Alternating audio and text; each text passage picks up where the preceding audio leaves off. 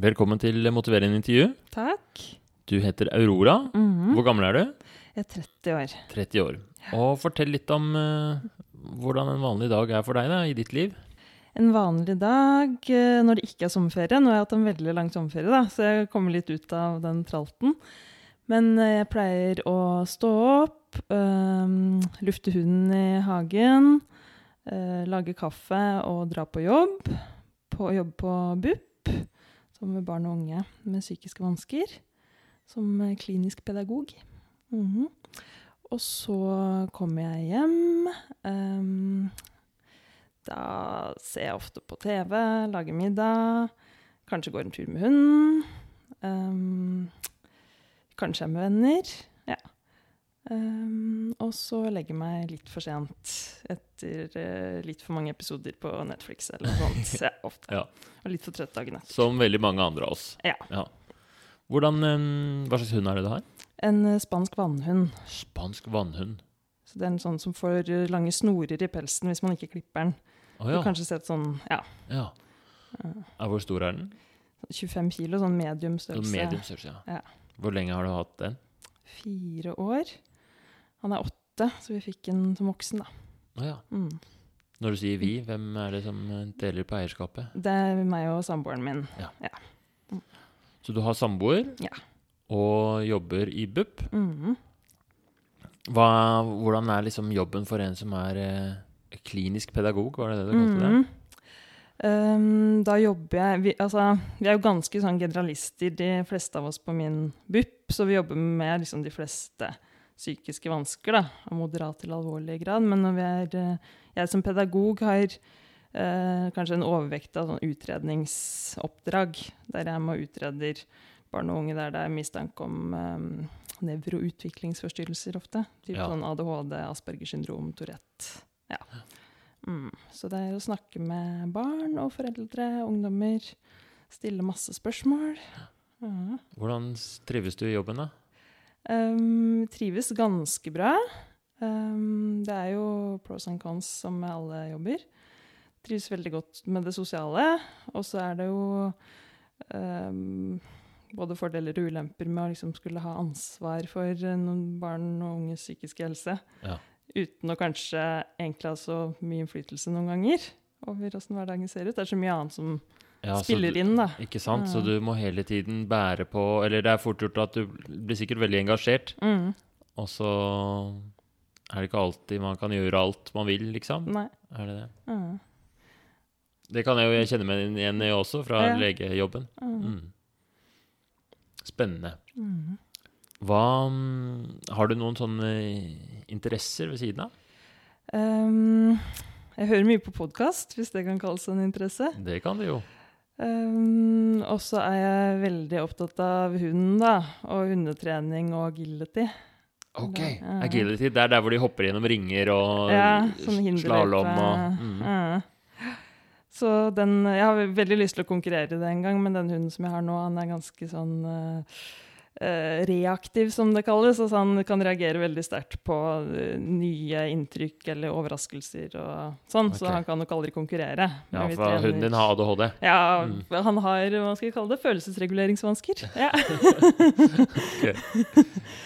ja, så mm, Men vi konkurrerer, vi konkurrerer med oss sjøl, da, i Ja. hagen vår. Ja. Så har du satt opp en liten hinderløype der, da? Med, ja. Setter opp litt sånn eh, ja, ad hoc sånn etter det vi øver på. Mm. Så kult. Ja. Hva slags podkaster hører du på da? Um, skal vi se, jeg hører mye på true crime. Um, så hører jeg på Gunnar Tjomli sin podkast om litt sånn skeptisisme og vitenskap og Ja. sånn. Og så så klart motiverende intervju. Så bra. Um, ja, mye forskjellig. Men uh, true crime er kanskje Det er favoritten. Ja. Mm, Spennende. mm. Hva, hva slags serier er det du ser på Netflix for tiden? Akkurat nå ser jeg på True Detective. Oi, Ja. den er bra.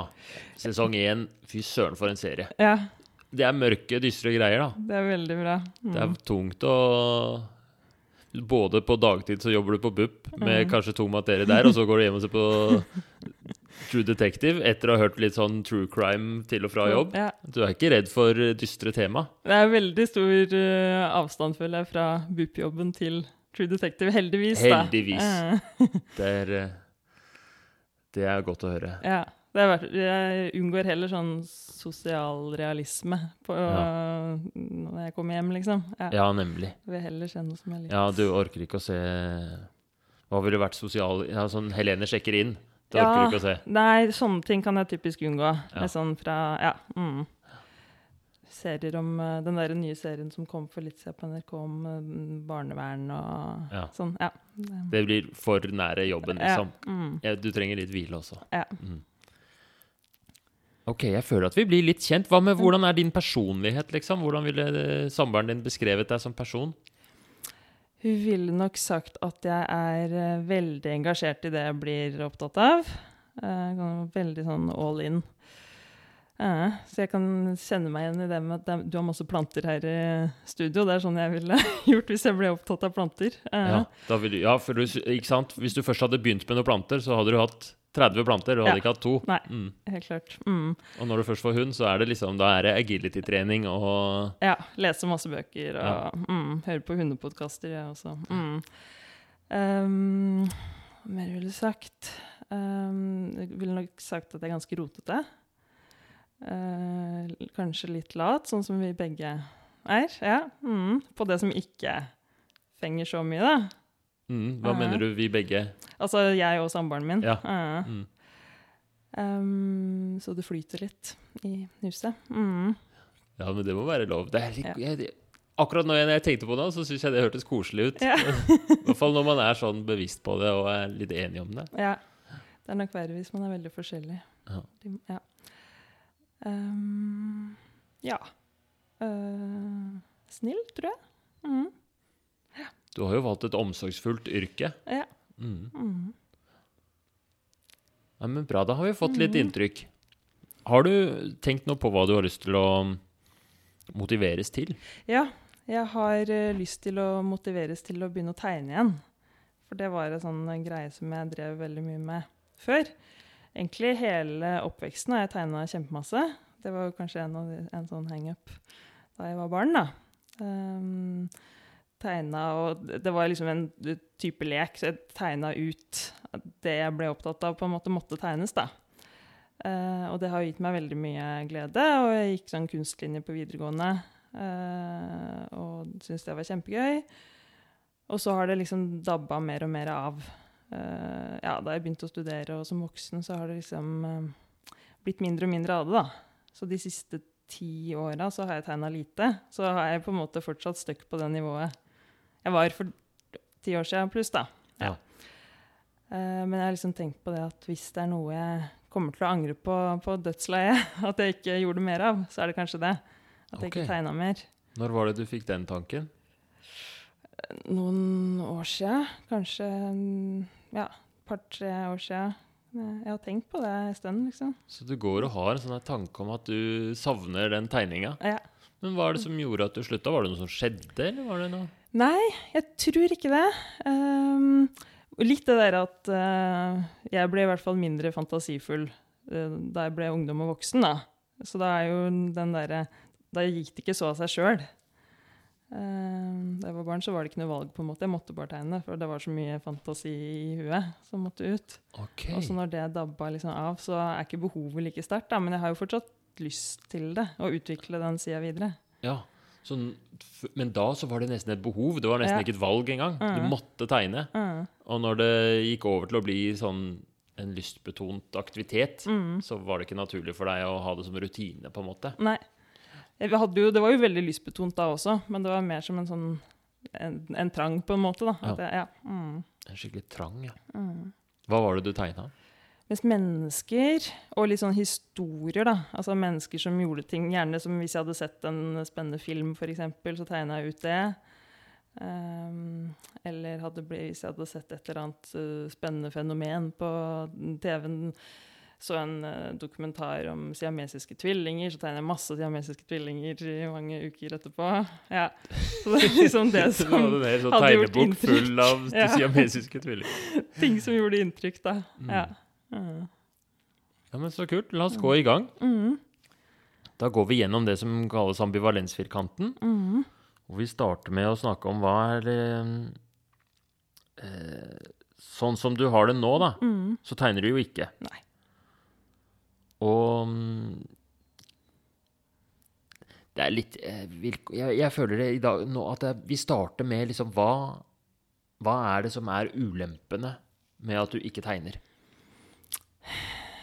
Ei ulempe er jo det at jeg tror jeg kommer til å angre meg på at Ja. jeg ikke gjorde det uh, senere. Um, og da kommer jo på en måte sjansen til å være borte. Um, så tror jeg jeg går glipp av uh, en uh, glede og liksom kilde til mestring. Og det å liksom være kreativ, da. Jeg er jo kanskje litt kreativ i hundetrening og agility, men det er jo på en annen måte. Uh, ja, mer oppskriftsmessig. Uh, så jeg gjør jo ikke så mye kreativt, men det er jo noe som har gitt meg veldig mye glede før, det å være kreativ. Mm, det der å uttrykke seg kreativt det er, Du sa i stad at det var som en sånn trang, men ja, Mm.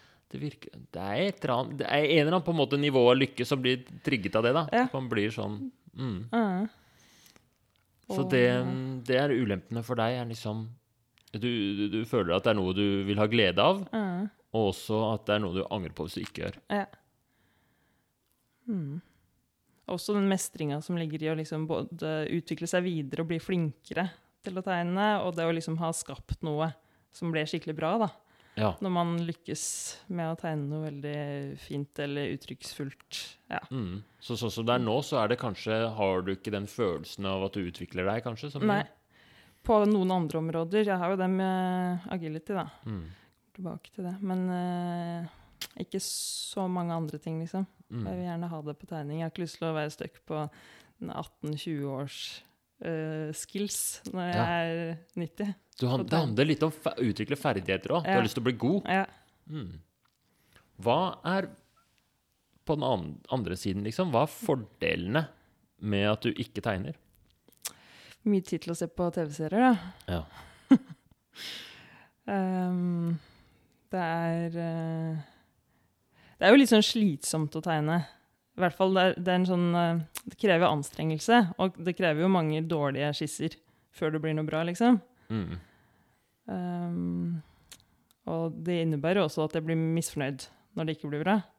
Så det slipper jeg jo på en måte, da. Det Ja, er noe som er mer behagelig. Du slipper Noen sånne negative følelser, anstrengelse For det, det kan være litt tøft å tegne. Uh, Du har liksom et fint bilde i hodet, og så tegner du, og så blir det bare dritt. uh, Skjønner. uh. Hva mer? Er det noe mer?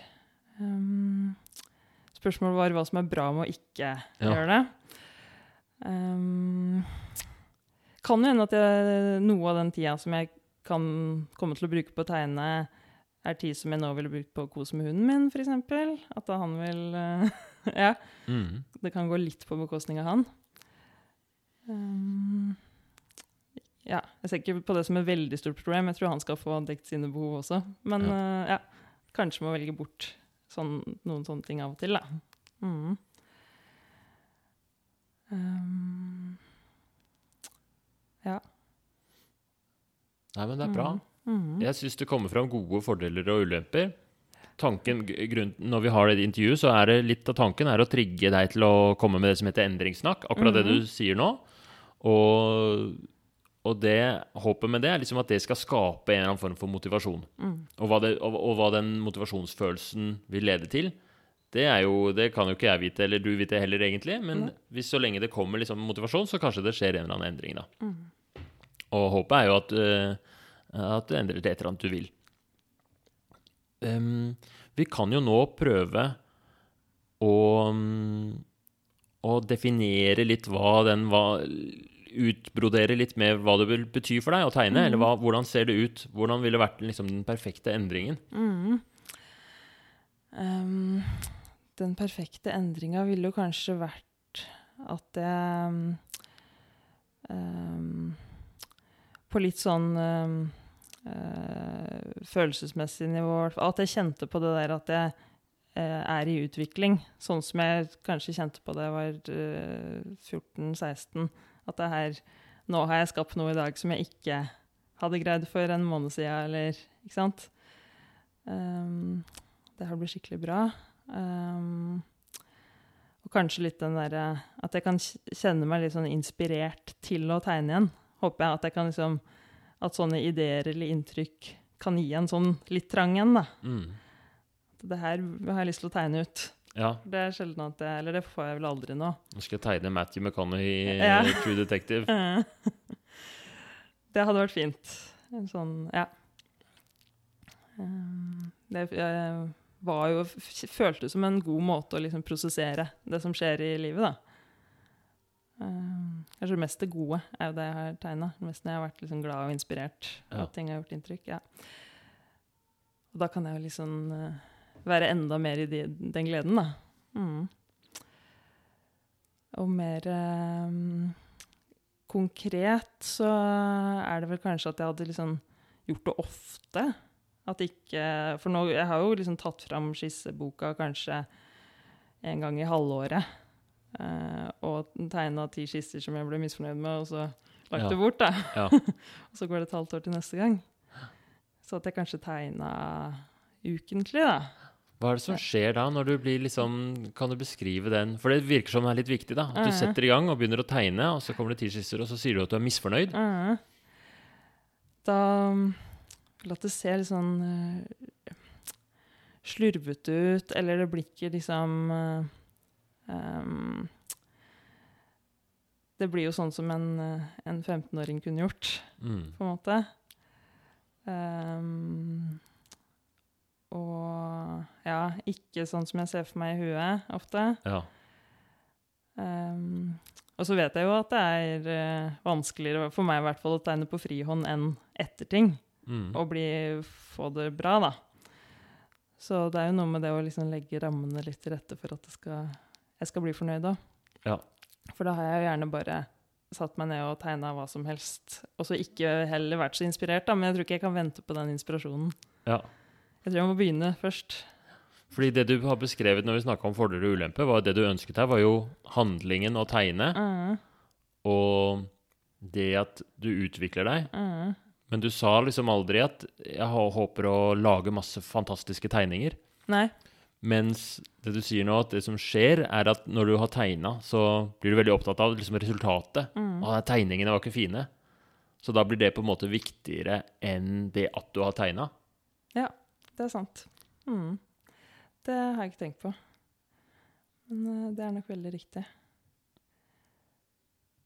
For da kunne jeg jo heller vært fornøyd med at jeg hadde gjort det, på en måte. Um, Jeg er sikker på at alle i publikum sitter og bare Ja, men det er jo bare å tegne! Må jo bare tegne. Men så, så ser du at det er, det er ganske åpenbart, eller ikke åpenbart, men det er, eh, det er litt sånn tydelig at det kommer negative følelser, eller det vekker kanskje eh, om det er litt sånn perfeksjonistisk, eller hva det er, som gjør at det blir litt ubehagelig for deg Mm. å tegne. Ja. Det blir det. Du blir så opptatt av liksom, tegningene at de ikke er fine nok. Ja. Du snakker jo også om at du vil på et bedre nivå. Mm. Det er en sånn trang til å bli flinkere. Ja. Men samtidig så er det en sånn der eh, eh, skuffelse eller perfeksjonisme Mm. over liksom hvordan tegningene ser ut. Ja. Og det er ikke det at det trenger å være en sånn helt naturalistisk, eksempel, eller noe sånt, men at det enten er pent, eller at det, jeg føler at det uttrykker noe, da. At det er liksom eh, ikke bare kluss, hvis du skjønner. Ja.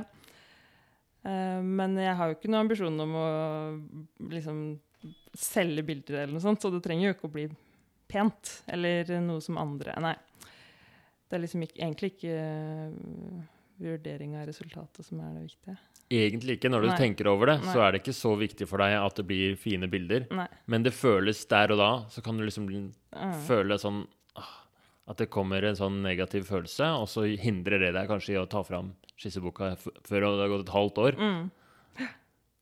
Det er interessant. Mm. Føler vi er litt inne på liksom hva som skjer. Ja, det tror jeg òg. Hva mm, eh, Kan vi prøve å beskrive liksom eh, Hvis du hadde fått det som du ville, da, Mm. og tegna om det var en gang i uka, eller hvor ofte det var, eller Og fikk alt det der med at du følte at du utviklet deg, ble flinkere, følte at du fikk uttrykt deg kreativt, Mm. alle de fordelene. hvordan hadde det sett ut sånn Hvor i leiligheten hadde du tegna? Eh, hva slags utstyr hadde du brukt? De detaljene der, liksom. Ja, det er et godt spørsmål, for nå har jeg jo faktisk ingen pult. Det har jeg jo alltid hatt helt til jeg ble voksen og kjøpte hus, liksom.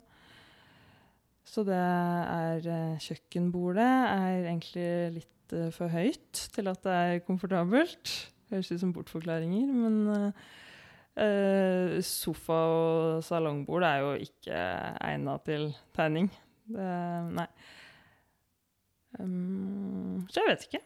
Det er kanskje ikke så rart at du ikke tegner nå? Du har jo ikke noe sted å tegne. Det er jo rett og slett eh, Forholdene ligger ikke til rette. Nei, faktisk ikke. Har du tegneutstyr og tegnesaker og sånn? Ja, jeg har faktisk tatt med meg skissebok og blyanter, så du kan se. Ja, det vil jeg se på.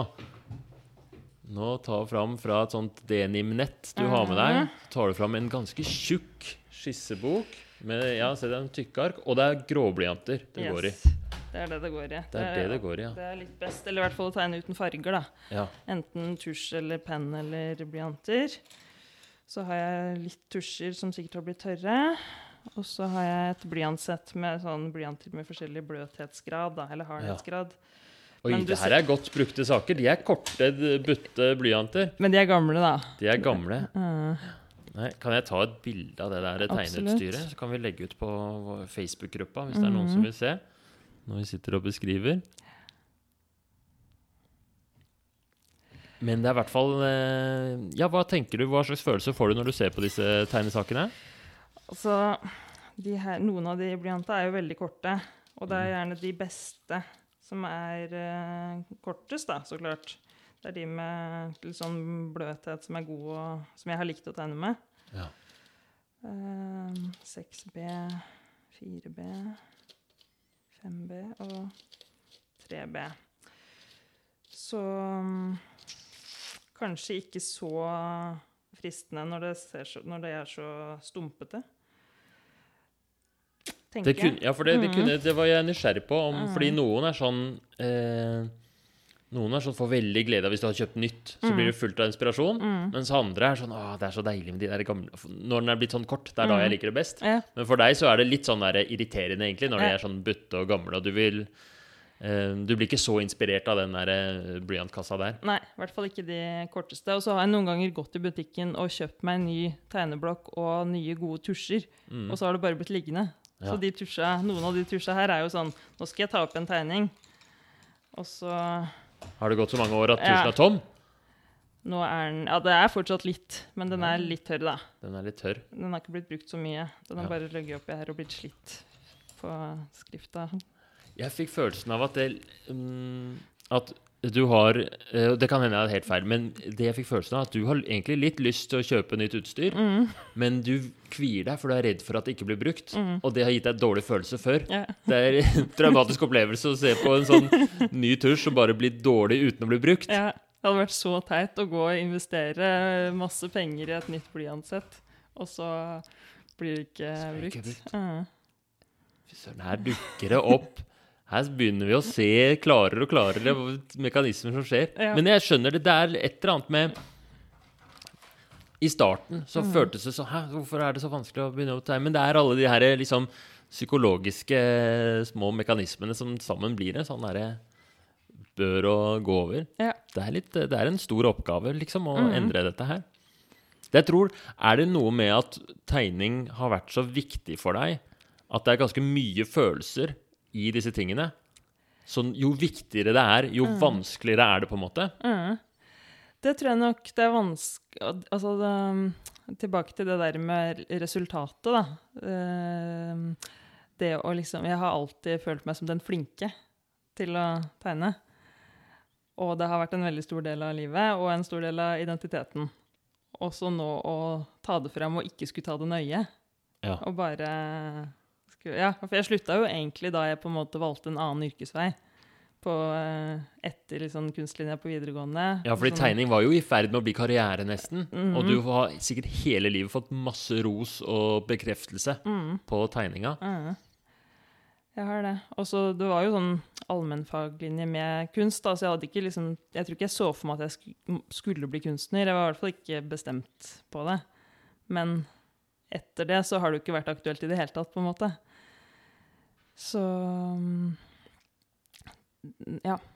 Da Det er litt sånn enten-eller, kanskje. At eh, enten så skal, det være, skal jeg være skikkelig god, og det skal være en sånn stor og viktig greie.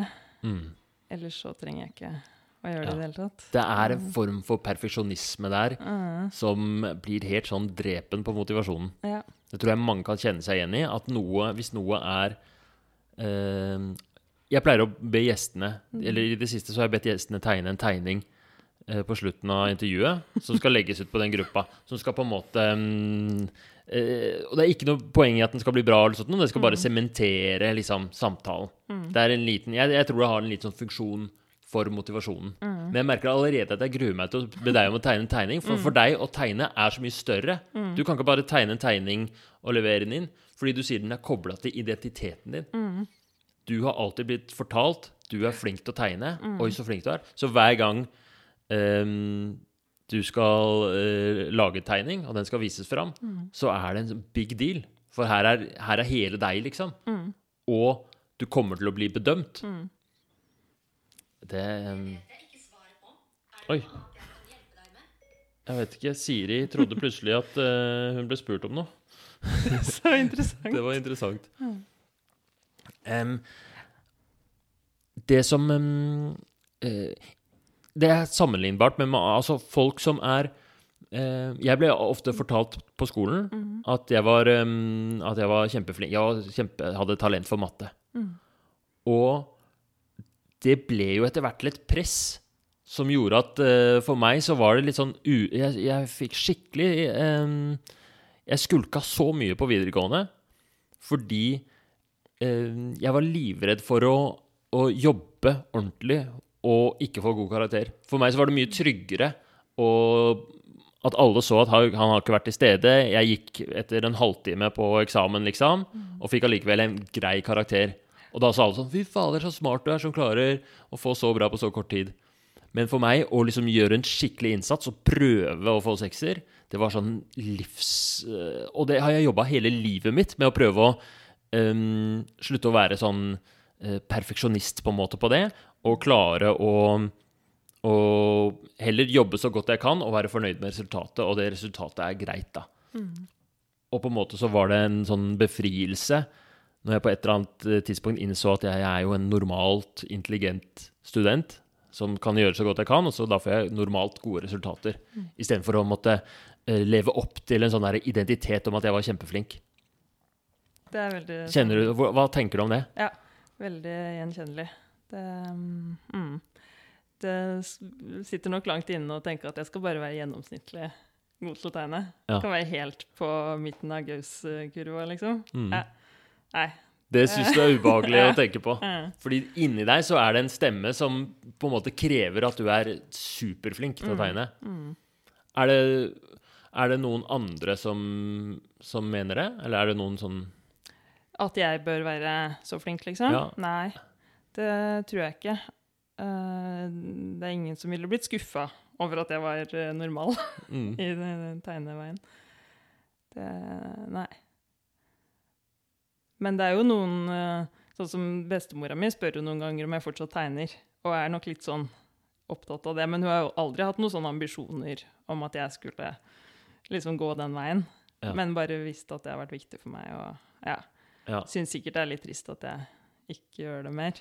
ja, for hun er mer opptatt av verbet å tegne enn substantive tegningene, liksom. Ja, jeg tror det. Hun har jo ikke spurt kan jeg få se noe, Ja. liksom. Mer Hun sånn vil veldig gjerne at Fordi hun vet at det kanskje gjør deg glad, da. Ja. Mm, Mm. skjønner. Nei, dette er veldig spennende. Mm. Og mm, Ja, det er akkurat sånn som sånne, sånne kunstneriske ting som er liksom tett på identiteten og viktig for folk. Det blir både kjempeviktig at man, man har så lyst til å gjøre det, men så er det så mye sånne ting som tar imot. Mm. La oss gå gjennom fordeler og ulemper ved å endre, da. Ja. Ved å Hva ville vært fordelene hvis du klarte å komme i gang og tegne regelmessig? Jeg håper jo at det ville gitt meg mange gode følelser, da. At det ville liksom kunne henta tilbake det, noe av den uh, gleden og mestringa og engasjementet og det der å liksom forsvinne inn i uh, den kreative prosessen. Sånn flytopplevelse. Um, at jeg ville fått det oftere. Og så tror jeg jeg ville vært uh, glad for det når jeg ble 90 Mm. kunne se tilbake på det. At ja, det, jeg videreutvikla den eh, talentet, da. Eh, ja. Det sniker seg inn, den derre Ja. å være flink. Eh, um, mm. Eh, kanskje det også ville liksom um, For jeg er jo Sjøl om jeg har liksom vært en del kreativ, så er jeg jo ganske sånn derre saklig, rasjonelt innstilt, på en måte, til verden, da. Um, så det er ikke kanskje så mye som jeg gjør som er, som er sånn uh, intuitivt, kreativt. uh, der jeg bare følger innfall. Um, litt mer sånn traust, på en måte. Sånn jeg forholder meg til verden ellers. Sånn at jeg vil liksom Det å gjøre noe der jeg kan liksom være litt annerledes, da, eller utvikle en side ved meg sjøl som jeg ikke bruker så mye, eh, tror jeg også ville vært bra. For din, eh, da tenker du sånn, for din personlige utvikling, Ja, så er det egentlig. fint å, å av og til bruke de, eh, de, de liksom den venstre siden av hjernen. Ja, mm. Eller høyre siden. Ja. Jeg husker ikke. Mm. Mm. Nettopp. Få utløp for liksom eh, noe som er mer kreativt, kaotisk, ikke fornuftig. Mm. Ja. Mm. Mm. I en ellers traust hverdag. Mm. Mm. Um, jeg merker på deg at dette her er viktige ting. Mm. Store ting. Og du tenker du sier sånn Når jeg blir gammel, så Mm. skal jeg angre på dette. Og, og altså det er Mm. Hva Ok, la oss gå gjennom til slutt, da. Det aller viktigste, liksom. Mm. Hva, hvis du gjør en endring, hva blir de ulempene som du må deale med? Da må jeg deale med å bli misfornøyd over eh, produktet. Eller uh, prøve å drite i det produktet mer. Um, også den der dørstokkmila ved å liksom eh, slå av TV-en, eller ikke skru på TV-en. Mm. Og gå og sette seg i et annet rom, kanskje. Ja, fordi det er i, i hjernen din så er det en hardt innarbeida vane Mm. å gå rett hjem, rett i Netflixen. Ja, Mm. det er ganske, ganske innarbeida. Mm. Um, og det frister jo, stort Mm. sett. Det er jo så lett og deilig og gøy og avslappende. ja. Mm. Det krever jo liksom Det er jo noe mer aktivt, det å tegne. Og da blir den der dørstokkmila litt høyere eller litt lenger. Sjøl om, selv om det er noe jeg kan gjøre hjemme. Og så må jeg jo ordne det praktiske. Kjøpe pult, kanskje. Mm. Um, det, det høres litt sånn stress ut, bare jeg tenker på det. Ja. Må uh, Det er jo litt stress, det, å Ja. kjøpe en pult, og hvilken skal jeg velge, og hvor skal den passe, og hvor mye skal den koste. uh, Mm. Det er en ulempe, selvfølgelig. Det er ulempe. Mm. Um, det med å kjøpe blyanter eh, er jo bare en fordel, bortsett fra den der hvis det ikke blir brukt. Ja. Men er, jeg syns det er gøy å gå i en tegnebutikk og kjøpe utstyr. Mm. Hva er din favoritt-tegnebutikk? Um? Jeg har jo egentlig brukt liksom bokbutikker um, en del, men det viktigste er jo at det er liksom fine, gode blyanter med mye variasjon i Ja. hardhet. Mm. Og sånne som um, ikke knekker med en gang, da. Ja. Mm. Um, ja, så ulemper. Mm. Det er mye den der anstrengelsen, og så Mm. det å liksom potensielt kunne bli misfornøyd, da. Ja. Det kommer til å skje. Så du må tåle den der indre uroen som du får av å velge bort Netflix en gang iblant. Du må stå i den der eh, lille pulthelvete, jeg Pult-helvete. Mm. Kjøpe den. Og så mm, må du Blir det altså skuffelse på skuffelse på skuffelse. Ja. I, i, I hvert fall er det erfaringen fra sist gang. Mm. Så var det at du ble skuffa over tegningene. Ja. Den, de der kampen med den der indre eh, perfeksjonisten som har blitt skapt i barndommen. Fordi du fikk så fryktelig mye ros for de tegningene. Det var det dummeste som kunne skje. ja, Det var det. Ja. Det skjedde jo faktisk en eh, I hvert fall husker jeg det sånn nå, da, at eh, da jeg begynte på skolen og vi begynte å få tegnelekser, så satte det en demper på tegnegleden. Sjøl om jeg fortsatte jo å tegne da også, men det var, liksom, det var en forskjell der, da, rundt seks års alder. ja, nemlig. For da var det plutselig noe du måtte istedenfor Ja. noe du ville. Mm. Wow. Så Mm. det var kjempekjedelig med tegnelekser. Ja. Jøss. Hvordan føles det nå? Eh, hva, hva, hva, hva kjenner du på kroppen nå? Jeg kjenner meg jo motivert. Jeg ser for meg at jeg sitter ved pulten og får litt lyst til å Det er sånn typisk meg, da, lete etter et nettkurs, f.eks., om tegning. Eller et eller annet sånt som jeg kan melde meg på. Uh, så Ja. kan gi en sånn derre Ja, en struktur, da. Mm. Mm. Når du sa at det er litt sånn typisk meg, så sa du som om det var en, en dårlig idé. Nei, uh, jeg tror jo det kan være en god idé. Ja, Men det er kanskje men- en litt sånn uh, Jeg må jo fortsette. Hvis jeg vil eh, forfølge det prosjektet her, da, så kan jeg jo ikke bare belage meg på nettkurs. Ja, nei, men eh, jeg syns det var en helt fantastisk greie. Fordi det er litt juks, ikke sant? For da blir det jo tvunget. Da er det nesten sånn, det er nesten for lett. Men det er jo det helt perfekte. Alle de, der, de løsningene her, de er helt superbra. Ja, ok. Det, eh, det blir jo mye lettere å kjøpe pult og kjøpe blyanter når du vet du har et nettkurs. Ja. Mm. Og så blir det mye lettere å fortsette etterpå når du har litt momentum og er i gang. ja. Eh, men det skal ikke jeg legge meg opp i, liksom, hvordan du løser det. Men vi går enda dypere i hvordan, beskriv mer hvordan den der følelsen av motivasjonen kjennes ut. Um, ja, åssen kjennes det ut? Litt sånn derre uh, Kribling i fingra, på en måte. Eller litt sånn at, uh, at jeg har lyst til å gjøre noe, på en måte. Eh. Men så ser jeg jo også for meg de der uh, skissene fra sist gang. Ja. Så det er litt sånn der frykt og ubehag der også. Og så en liten sånn uro. Eh, nå må jeg komme i gang, liksom. Ja. ja. um, og litt den derre um, trangen til um, Altså Hvis jeg kommer inn i en, et eller annet sånn kreativt um, En idé, da, som, jeg, som blir gøy å jobbe med, det er jo utrolig morsomt når jeg har en ja, McConaughey som jeg, skal, som jeg jobber med. og, og det blir et sånt prosjekt som jeg legger ned mye innsats i. Det, det henger jo ofte sammen med, med innsats, at de tinga jeg jobber Ja. øh, nøye med over litt tid, da. Det Mm. blir jo gjerne tilfredsstillende og et bedre produkt Mm. også. Mm. Så når du, er gang, når du først er i gang, liksom, så kommer det av og til den der inspirasjonen eller den der, mm. ah, det er et prosjekt som Ja. bare bygger seg opp. Men det starter ofte med en god idé eller et uh, godt utgangspunkt. da. Det kan være noe så enkelt som at jeg skal tegne etter noe.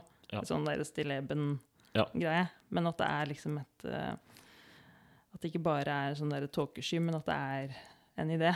mm. Start. Mm. I, eh, I næringslivet Mm. så bruker man en, et, et uttrykk som heter Key Performance Indicator, som er um, KPI.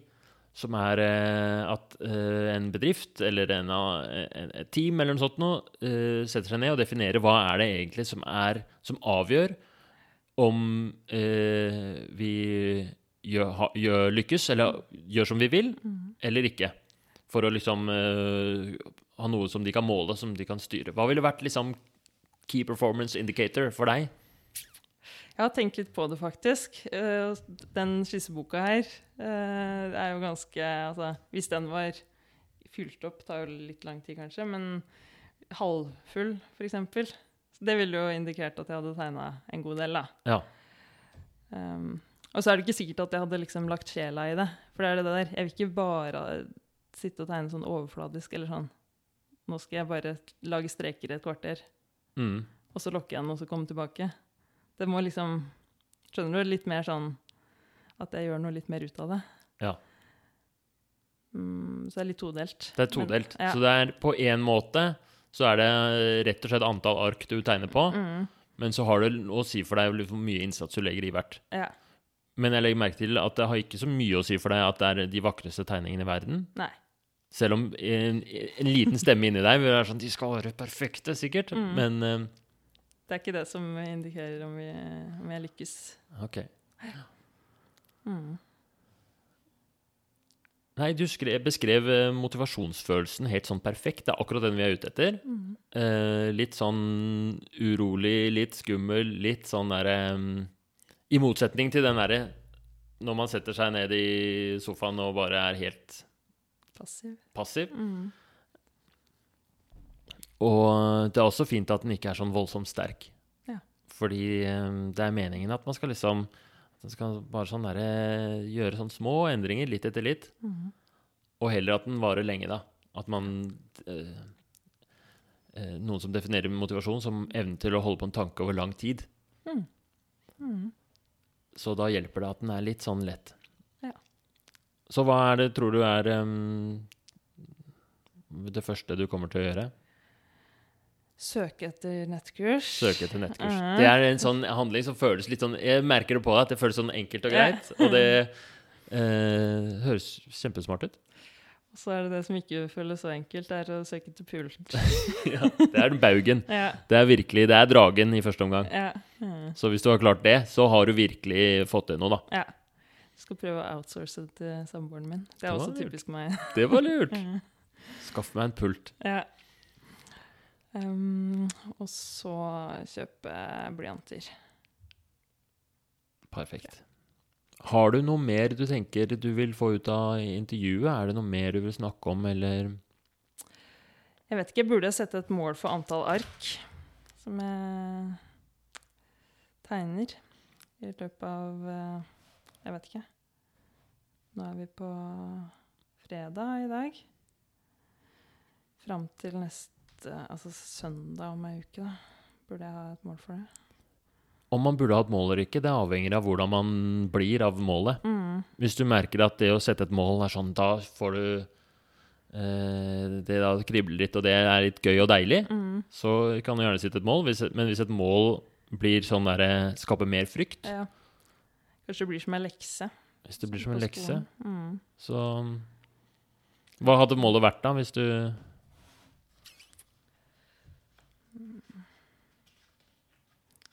Det bør være noe som jeg kan klare på på ei tegneøkt, liksom, så ikke ja, Ellers blir det for uh, overveldende.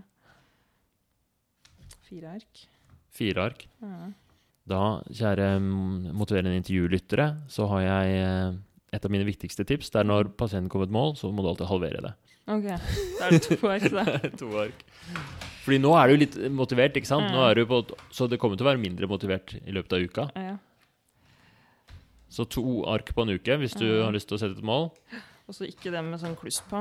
Ikke det med kluss på. Så nå ser jeg at du markerer ut, og Så vet jeg ikke om jeg skal skrive ja, nå tar hun fram en tusj fra pennalet her og skal liksom markere dette er dit, da. dit. Mm. Hvordan føles det å ha et sånt mål? Greit. Det er jo ikke sånn som jeg blir superinspirert av, men jeg tror kanskje jeg trenger det i starten. En liten sånn spark i starten. Mm. Så bra. Og når var det det var til? Innen? Til um, søndag om litt over ei uke. Ja. Mm. Perfekt. Og er det da et mål at de skal være fantastiske, de tegningene? Nei. Men de skal være Du skal prøve, Jeg må prøve. Mm. Ja. og så skal du tåle den der ubehaget av å sitte med ferdig produkt. Ja. Jeg syns det har vært helt uh, utrolig eh, spennende. Fin problemstilling. Jeg fikk nesten lyst til å tegne selv. Og så um, uh, håper jeg at vi kan få lov å Jeg, jeg tenker Hva kan hjelpe? Fordi vi må ha en tegning til gruppa. Mm.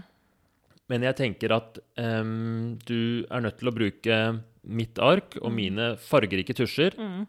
Så det blir jo en, en sjanger som du er helt ukjent med. Ja. Du tegner med Altså, det blir noe helt annet. Mm. Og pleier du å bruke mye skrift i dine Nei. tegninger? Så du må bruke skrift. Ja. Um, sånn at vi gjør, det, vi gjør det til noe annet enn din hjemmebane. Så Ja. ble, det mindre press av det. ja, absolutt. Ja. Mm. Så hvis dere vil se den tegninga, så kan dere der Vi har da en sånn oppfølgingsgruppe hvor vi legger ut litt eh, Og av og til så kommer gjestene også og forteller hvordan det går med målet. Er du, har du lyst til å gjøre det, eller? På Ja. søndag? At du Å dra hit? Nei, å skrive på den Facebook-gruppa ja. Mhm, og ja. bare si. 'hei, takk for uh, sist'. Jeg klarte målet, liksom. Det vil jeg gjøre. Mm. Mhm. Og uh, kanskje sende oss bilde hvis du uh, kjøper deg noen nye blyanter eller hva som helst. Mhm. Så kan man følge med på det der. Mhm. Tusen takk for at du stilte opp, da.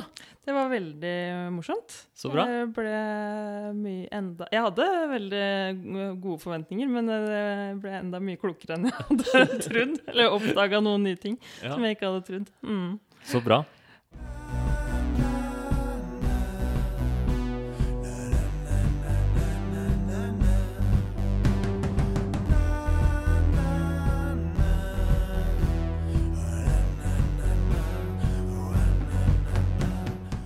Ja, da er vi ferdig med nok et eh, motiverende intervju. Jeg tenker hovedbudskapet i denne episoden, det må være at eh, Altså gå liksom på kjernen av motiverende intervjuteknikken. Hva er, vi, eh, hva er det som er så viktig at vi gjør? Vi må stille åpne spørsmål og dykke i pasientens ambivalens. Jeg er helt sikker på at mange av dere tenkte, og det gjorde i hvert fall jeg underveis, eh, i starten av intervjuet, liksom, hvorfor bare tegner du ikke? Det er jo så fint for deg å tegne, hvorfor har du slutta? Kan du ikke bare begynne igjen? Men det var ikke før vi hadde stilt mange åpne spørsmål, vi hadde varmet opp litt, vi hadde reflektert frem og tilbake, hvor det kommer fram at oi, shit, for et halvt år siden, da jeg tok fram eh, blyantene og begynte å tegne, så fikk jeg masse negative, vonde følelser. Jeg var misfornøyd, jeg følte meg eh, Følte at de tegningene ikke ble så fine, og mm, satt dårlig, har ikke noe sted å tegne. Alle de her tingene dukket opp. Og det derre poenget med at ting som man bryr seg veldig mye om, som blir veldig viktig for en, de kan plutselig bli vanskeligere å gjennomføre. Det tror jeg også er sånn, sånn bipoeng, da. Så hvis noen av dere eh, er opptatt av å inspirere vennen din til å tegne mer Du har en venn som sier ah, 'jeg har så lyst til å tegne mer, men jeg gjør det ikke'. Så vær forsiktig med å si 'ja, men du må jo bare komme i gang', det er bare å gjøre det. Ikke på en måte bagatelliser um, hvor enkelt det er å komme i gang med en sånn, for det er faktisk en grunn til at den endringen sitter så langt inne.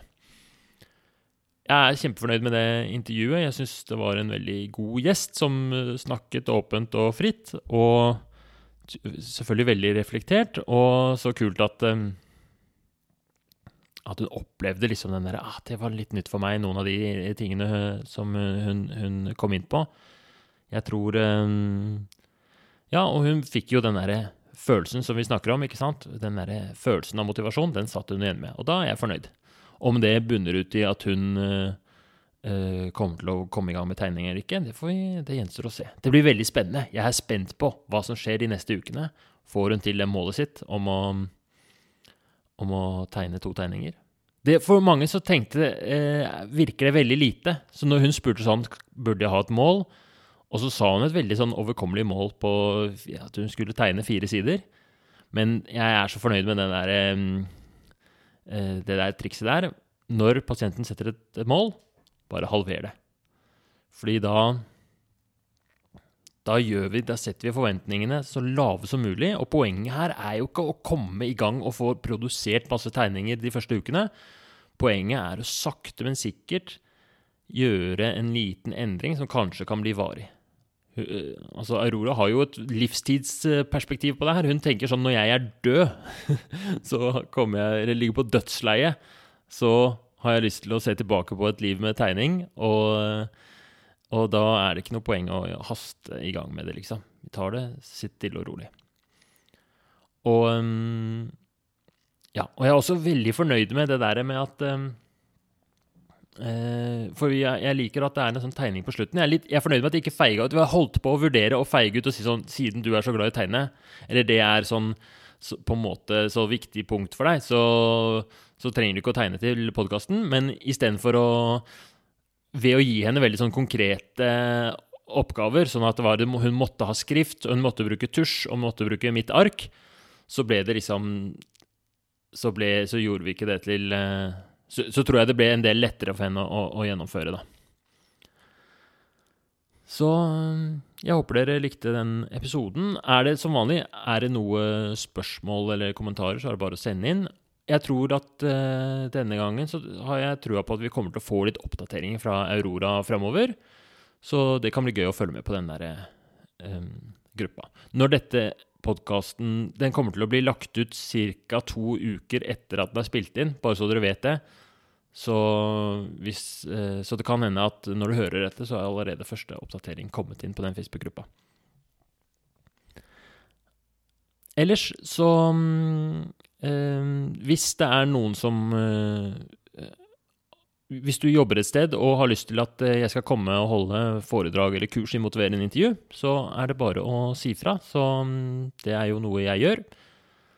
Så, og det tenker jeg det er relevant både for uh, helsepersonell og, og sånn type altså De typiske stedene jeg gjør det, er jo på sånn rehabiliteringssenter hvor de, de Altså sånne helseinstitusjoner og, og, og hjemmesykepleie i den og den bydelen og sånn og sånn. Men jeg tenker at det kan være ganske relevant i privat næringsliv, med å liksom Hvordan kan vi inspirere hverandre på jobben, eller andre andre yrkesgrupper. Så så bare send meg en melding, så kan vi finne ut av det. Og så kommer jeg gjerne holde enten bare et lite foredrag, eller holder et uh, heldagskurs, eller uh, ja, kanskje også mer omfattende greier. Ok, da skal jeg gå videre med dagen din. Eh, jeg skal gå videre med dagen min. Og så kan du gå videre med dagen din, og så snakkes vi i neste episode.